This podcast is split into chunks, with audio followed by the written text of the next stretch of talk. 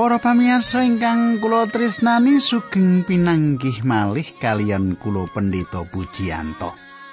Ing wanci menika kula badhe sesarengan kalian panjenengan wonten ing salebetipun adicara inggih menika adicara margi utami. Kados pundi pawartos panjenengan katang kula menapa panjenengan sae-sae kemawon? Kula kedah pangajeng-ajeng panjenengan sak keluarga nggih tansah wonten ing kahanan ingkang sae. Lan kebak kabingahan mirah rejeki bagas waras. Panjenengan pirsa bilih lumantar adicara menika, kula nderekaken panjenengan sinau kayektosan-kayektosan ingkang dipun pratelakaken ing kitab suci. Lan ugi nderekaken panjenengan nyemak saben kayektosan-kayektosan menika pangajeng-ajeng kula tentunipun panjenengan nampeni berkah secara kasukman rohani lan panjenengan saged migunakaken menapa ingkang kula andharaken menika wonten ing gesang panjenengan. Monggo nyaket kalian kula mriki sugeng midhangetaken adicara menika.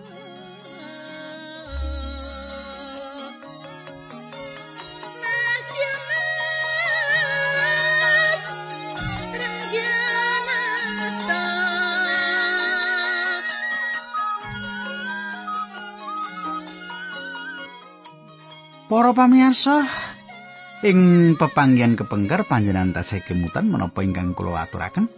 Kula badhe bangsuli sekadap supados panjenengan paling boten nemut menapa ingkang kula aturaken duk pepanggihan kepengker. Kita sampun ningali keteranganipun Paulus bilih tiang pitados menika kedah ndadar manahipun kanthi teliti. Ndadar manahipun kanthi teliti lajeng kados pundi kelajengan perangan menika? Kita badhe nyimak Monggo kita ndedonga saderengipun kita lajengaken. Duh Kanjeng Rama ingkang adhedhampar wonten kraton ing kasuwargan kawula ngaturaken gunging panuwun menawi wekdal menika kawula saged tetunggilan kalian sedherek kawula ingkang setya tuhu midhangetaken adicara menika. Kawula nyuwun Gusti berkahi kawula Gusti nulungi kawula lan nyuwun tulung menawi wonten ingkang gadah momotan ingkang amrat paduka angkat momotanipun karimakaten saged bingah saged lega wonten ing ngarsa paduka. Linambaran asmanipun Gusti kawula Yesus Kristus kawula ndedonga. Amin.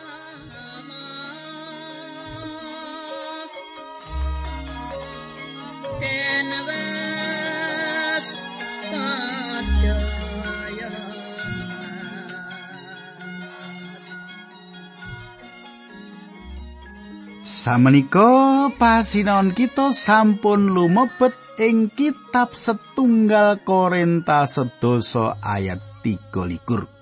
Samenika pasinon kita sampun lumebet ing kitab setunggal Korinta sedoso ayat 3 likur makaten surasipun ing basa pedinan.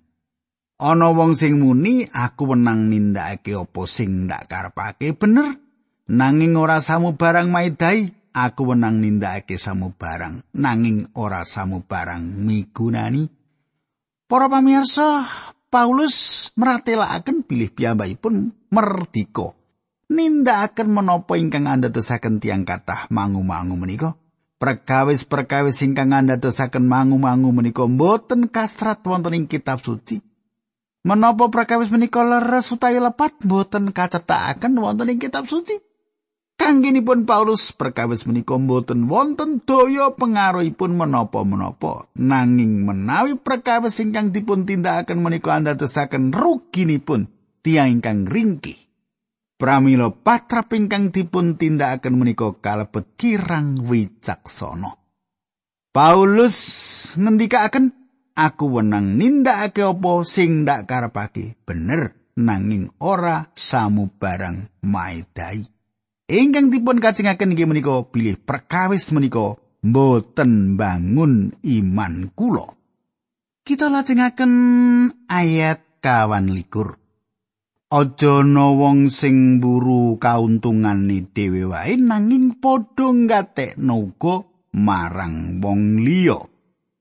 Para pamirsa, tiang Kristen keparingan kamartikan sak wiyar-wiyaripun ing salebetipun Sang Kristus sak bebas-bebasi.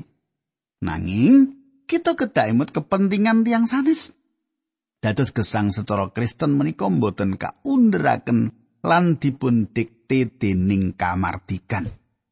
Tiang Kristen boten mandek bab halal utawi sahipun satunggalipun perkawis lan boten winatesi dening aturan ingkang kaken kaku nanging gesang tiang Kristen dipun watesi dening katresnan. Tiang Kristen dipun watesi dening katresnan. Tiang Kristen menika kedang gatosaken daya pengaruh lan akibat kangge tiang sanes. Inggih menika ingkang dipun pikiraken dening Paulus. Kita lajengaken ayat selangkung ngantos 6 likur. Kowe bebas arep mangan daging apa wae sing didol ing pasar tanpa mangu-mangu sebab kitab suci ngendika bumi lan saisine kuwi kagungane Gusti Allah. Para pamirsa ingkang kula tresnani. Tiang Kristen saged nedha lan ngraosaken menapa kemawon ingkang dipun titahaken dening Gusti Allah. Saged ngraosaken kaendanipun lan samukawis ingkang dipun hasilaken saking menapa ingkang dipun titahaken Gusti Allah menika. Gusti sampun nyawisaken. Paulus badhe nyukani pamrayogi ingkang saged katindakaken.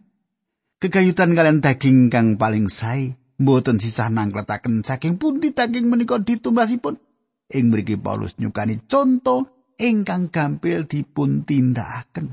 Ayat 17. Setunggal Korintus 11 ayat 17. Yen kowe diundang mangan dening wong sing ora percaya lan kowe gelem nekani uleman mau, mangan apa wae sing disuguhake tanpa mangu-mangu. Para pamirsa panjenengan gatosaken menawi panjenengan dipun undang nedha tiang ingkang dereng pitados nedha kemawon. Nedha kemawon menapa ingkang dipun sugahaken ampun kekatan pitakenan.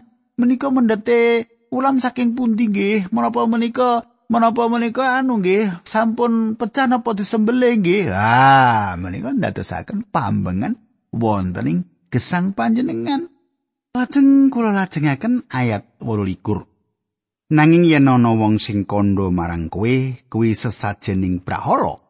Aja kok pangan supaya aja nuwuhake gagasan ing wong mau yen kowe ngandel marang brahala. Mengkono uga merga rasaning atimu dhewe. Para pamirsa panjenengan semak pangandikan kala wau. Paulus nyukani pamrayogi supados kita nedha samukawis tanpa kathah tangket.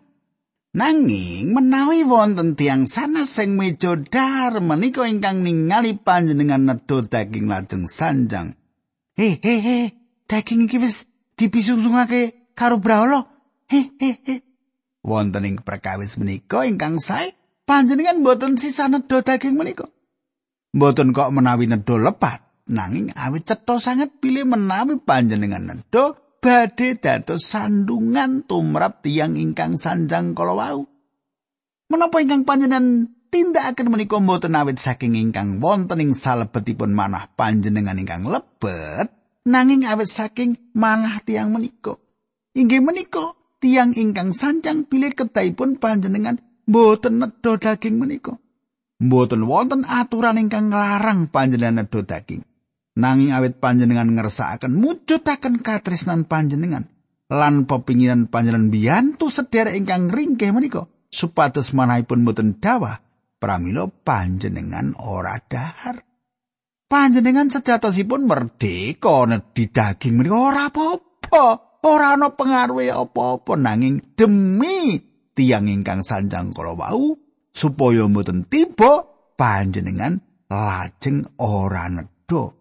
Menika sari padinipun.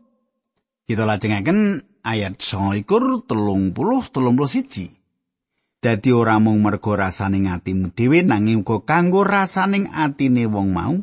Bisa uga ana wong sing muni yogene kamardikanku kok diwatesi dening rasaning atine wong liya.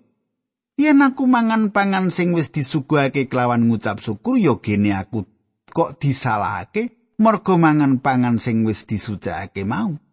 Bener nanging aja lali yen apa wae sing kok tindakake apa mangan apa ngombe apa wae sing kok lakoni kuwi kabeh lakonana kanggo kaluhurani Gusti Allah. Para pamirsa panjenengan semak pangandikan kala Paulus nyukani watonan-watonan ingkang wonten gegayutanipun kalian kamardikan minangka jejeripun tiang Kristen. Salah satunggal ingkang dados watonanipun inggih menika apa wae iku kanggo kuku halal, nggih. Apa wae iku kanggo halal. Nanging ora kabeh iku wicaksana. Kajawi saking menika apa wae kuwi halal kanggo nanging ora kabeh nekakake kabecikan. Wonten satunggal malih aku mangsuli menawa kowe mangan utawa menawa kowe ngombe utawa menawa kowe nindakake apa wae tindakno kanggo kaluhurane Gusti Allah. Inggih menika pendadaran ingkang kedah dipun trapaken ing salebetipun gesang tiang pitados. Mboten kok apa kudu aku nindakake iki utawa apa kudu aku nindakake kuwi. Nanging apa bisa tak tindakake kanggo kaluhurane Gusti Allah? Kekayutanipun kalian Gusti Allah. Emanipun wonten saperangan tiang Kristen ingkang malah mboten tindak gereja kangge ngluhuraken Gusti Allah. Tiang-tiang kelawu tindak gereja awit wonten jalaranipun inggih menika saged ugi ngritik utawi gosip mitenah menawi panjenengan tindak gereja ingkang wonten manah panjenengan namung makaten menika. Langkung saya panjenengan wonten gereja kemawon ora rasanya gereja gitu ning omah wae. Menapa kemawon ingkang dipun tindakaken tiang pitados kedah dipun tindakaken konjuk kaluhuranipun Gusti Allah? Menika sanget dening penting para pamirsa kita lajengaken ayat tigang dosa kalih.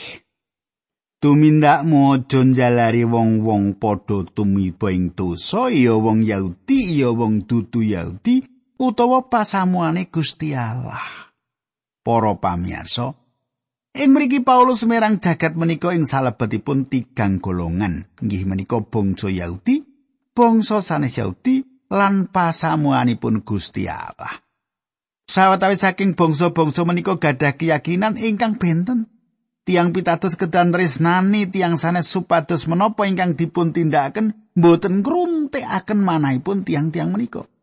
Panji muka saged ngremenaken tiang-tiang menika sedaya nanging kita kedah budidaya mboten nyakiti tiang-tiang ingkang gegayutan kalian tiang-tiang menika. Mboten nyakiti ingkang wonten gegayutanipun kali tiang-tiang menika. Kita dipun sukani pamrayogi supados mboten nyakiti sae bangsa Yahudi, bangsa sanes Yahudi utawi pasamuanipun Gusti Allah. Menapa ingkang dipun tindakaken menika sampun nyakep sedaya keluarga manungsa. Inggih menika anggenipun merang tigang keluarga manungsa menika. Kita lajengaken ayat tigang dosa tiga. Nulodo marang aku, ing satinga perkara sing ndak lakoni aku ngarah gawe senenge wong kabeh tanpa mburu kaseneng aku dhewe. Sing ndak elingi kuwi kepentingane wong liya supaya wong mau padha slamet. Para pamirsa, perkawis ingkang utami ingkang kedah kita tindakaken inggih menika kagem kaluhuranipun Gusti Allah. Menapa kemawon ingkang kita tindakaken kedah kagem kaluhuranipun Gusti Allah. Aku mangsuli bener nanging aja lali yen apa wae sing kok tindake, apa mangan, apa ngombe, apa wae sing kok lakoni kuwi kabeh lakonana kanggo kaluhurane Gusti Allah. Wanita Kristen saged ngumbah piring lan ngepel jogan kangge kaluhuranipun Gusti Allah. Tiang jalar Kristen saged mbabat suket lan damel kalinan kangge kaluhuranipun Gusti Allah. Menapa kemawon ingkang panjenengan tindakaken menawi panjenengan mboten saged tindakaken kangge kaluhuranipun Gusti Allah, langkung sae mboten panjenengan tindakaken kanthi nglampahi gesang kados makaten menika kita badhe dados paseksi kangge jagat seksi kangge jagat supados sedaya ingkang kesasar saged dipun wilujengaken. Para mitra kula, ingkang langkung penting kangge kita inggih menika gadah patrap ingkang sae ing jagat menika tinimbang kalian ngedum trak wonten tiang kakung ingkang sregep sanget ing Memphis, Tennessee, ingkang remen ngedum traktat-traktat niku niku lho, ana tulisan-tulisan bab kawilujengan menika. Ngedum traktat dumateng tiang sanes, tiang menika nyukani traktat dumateng satunggalipun tiang nanging tiang ingkang dipun sukani traktat kalau wau mboten purun nampi. Tiang ingkang dipun sukani traktat menika tanglet. Apa kuwi? Jawabanipun traktat. Aku ora bisa maca. Eh, ora bisa maca. Jawabanipun tiang ingkang dipun sukani traktat menika ora bisa maca. Tiang jalar menika sanjang, aku bakal menehi ngerti marang kowe apa kang ndak tindakake, aku bakal ndeleng apa kang mbok tindakake. Patrap makaten menika saged dados kawigatosan langkung sae tiang menika maos patrap gesang ketimbang kalian maos traktat-traktat ingkang kita dum-dumaken gitu. Ngedum traktat menika perkawis ingkang sae nanging kejayu menika gesang kita kedah dados traktat ingkang leres. Para pamirsa salajengipun pasinan kita lumebet ing setunggal Korintus 11 pasal 11 ayat ingkang kawitan dados perangan saking pangedumipun ayat-ayat menika. Ayat setunggal padha nulodo marang aku kaya dene aku ya nulat marang Sang Kristus. Para pamirsa, tembung ingkang kados makaten menika namung saged dipun ngendikaken dening saperangan alit saking kita. Padha nulodo marang aku kaya dene aku ya nulodo marang Sang Kristus. Kula mboten nglebetaken panjenengan wonten ing mriki. Nanging perkawis menika satunggalipun bab ingkang kula mboten wonten pratelakaken. Kula gadah kekajengan supados panjenengan dados pandheripun Sang Kristus lan pandheripun Paulus nanging ampun dados pandherek kula ing salebetipun menapa kemawon aja. Satunggalipun paseksi ingkang ngedapi-dapi menapa ingkang dipun pratelakaken Rasul Paulus menika satunggalipun pratela ingkang ngedapi-dapi. kita sampun nutup perangan ingkang wonten kekayutanipun kalian kamardikan Kristen ingkang sanjang saking pasal bolu ngantos ayat kawitan ing pasal 11 menika. Samenika Paulus ngrembak perkawis ingkang siji ingkang kasrat pasaman Korintus dumateng piyambakipun. Saged ugi wonten ingkang tanglet menapa ingkang dipun kersakaken panjenengan Gusti Allah paring dawuh kegayutan kalian kados pundi priyantun setring agem rasuan. Tentu Gusti Allah mboten ngantos ngatosaken rasukan menapa ingkang dipun angge wanita utawa menapa priyantun jaler menika rambutipun sampun dipun potong. Nanging menawi kita ngatosaken kitab suci kita menika kanthi cetha dipun serat bilih Gusti paring kawigatosan dumateng menapa ingkang kita angge lan kados pundi kita nata rambut kita. Gusti Allah paring pangandikan ing Matius doso ayat 3 doso. Mongko kuwi kuwi dalasan rambut sing ana ing sirahmu wis diitung kabeh. Para pamirsa, anggapan ingkang sanjang pilih perkawis rambut punika ingkang mangertos tukang cukur, anggapan menika mboten leres. Gusti Allah pirsa mitra kula. Kathah sanget perkawis ingkang badhe dipun ngendikaaken dening panjenenganipun. Gegayutan perkawis menika lan perkawis-perkawis ingkang sanes ingkang wonten sambung rapetipun. gesang kita sak remit-remitipun kapirsanan dening panjenenganipun kapirsanan dening Gusti Allah gesang kita sak remit-remitipun kapirsanan panjenenganipun saged ugi boten wonten pirembakan ingkang jembar wonten ing koran majalah siaran radio lan televisi dipun bandingaken pirembakan babagan menapa ingkang dipun agem priolan wanit ing pangandikanipun Gusti Allah ugi wonten sawetawis mratelakaken perkawis menika. Rasukan wanita. Ayat kalih, cepi panjenengan semak. Aku ngalem kowe sebab ana ing samu barang prakara kowe padha tetep eling marang aku lan padha ngantepi piwulang kang diwenehake marang kowe. Ing pangandikan menika Paulus sanjang aku ora ngalem kowe. Nanging ing mriki Paulus gadah satunggalipun perkawis saking pesaman ingkang saged dipun alem. Paulus ngalem pesaman menika awit pesaman ngemuti piyambakipun ing salebetipun donga lan ing salebetipun dono weweh. Lan pesaman meratelaken wucalan ingkang dipun wucalaken Paulus dumateng pesaman menika.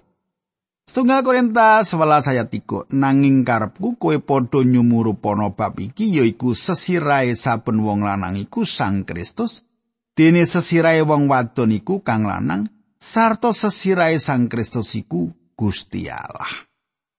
Para pamirsa, kula sawetahipun mangertos tiang-tiang ing jaman menika nengenaken pratela ingkang boten jangkep. Kepala saking tiang setri menika tiang jaler. Nanging panjenenganipun kedah mangertos pangandikan menika kanthi jangkep. Menawi nampung setengah, pramila badhe pincang pangertosan panjenengan. Paulus nerat watunan dasar sanesipun wonten ing mriki. Pangandikan menika kalebet urut-urutan kawenangan. Tujuanipun supados tiang boten bingung. Watonan menika penting kangge gereja sami kanggenipun rumah tangga. Jaman samenika para pamirsa kita ningali gereja-gereja ngawontenaken kursus-kursus latihan kepemimpinan.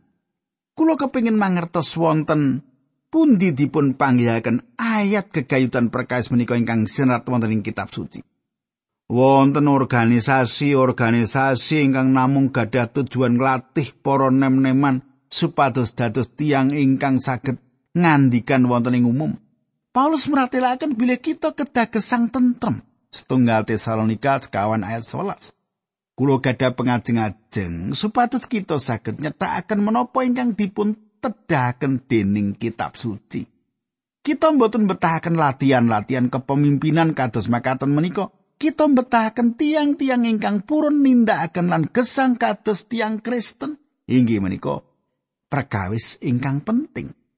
Para pamirsa, Tembung penting ing mriki nggih menika sirah. Sesirai sabun wong lanang iku Sang Kristus. Dene sesirai wong wadon iku kang lanang sarta sesirai Sang Kristus iku Gusti Allah. Sirah inggih menika perangan badan ingkang nyukani arah. Ayat menika mboten meratelaken bilih sesirahipun tiang Kristen inggih menika Sang Kristus. Tembung wong lanang sipatipun umum inggih menika istilah ingkang dipun ginakaken umum. Ayat menika meratelaken bilih sesirah saking saben tiang jaler inggih menika Sang Kristus. Urut-urutan ingkang wajar lan leres tumrapipun Sang Kristus inggih menika Sang Kristus menika dados sesirah saben tiang jaler. Sadaringipun tiang jaler menika dipun kuwaosi dening Sang Kristus, tiang menika sanes satunggalipun tiang jaler ingkang saklimrahipun. Saperangan tiang jaler dipun kuwaosi dening inuman. Saperangan malih dipun kuwaosi dening hawa nepsu. Saperangan ageng dipun kuasani dening sifat daging. Saben tiang jaler kedah dipun kuwaosi dening sinten? Dening Sang Kristus. Inggih menika ingkang penting piyambak. Lan inggih menika ingkang dipun kajengaken dening Paulus. Para pamirsa, sesirai wong wadon iku kang lanang. Ing salebetipun basa Yunani mboten wonten tembung imbuanipun. Lan liripun inggih menika sanes tiang jaler. Panjenengan gatosaken ing mriki mboten dipun serat saben tiang setri.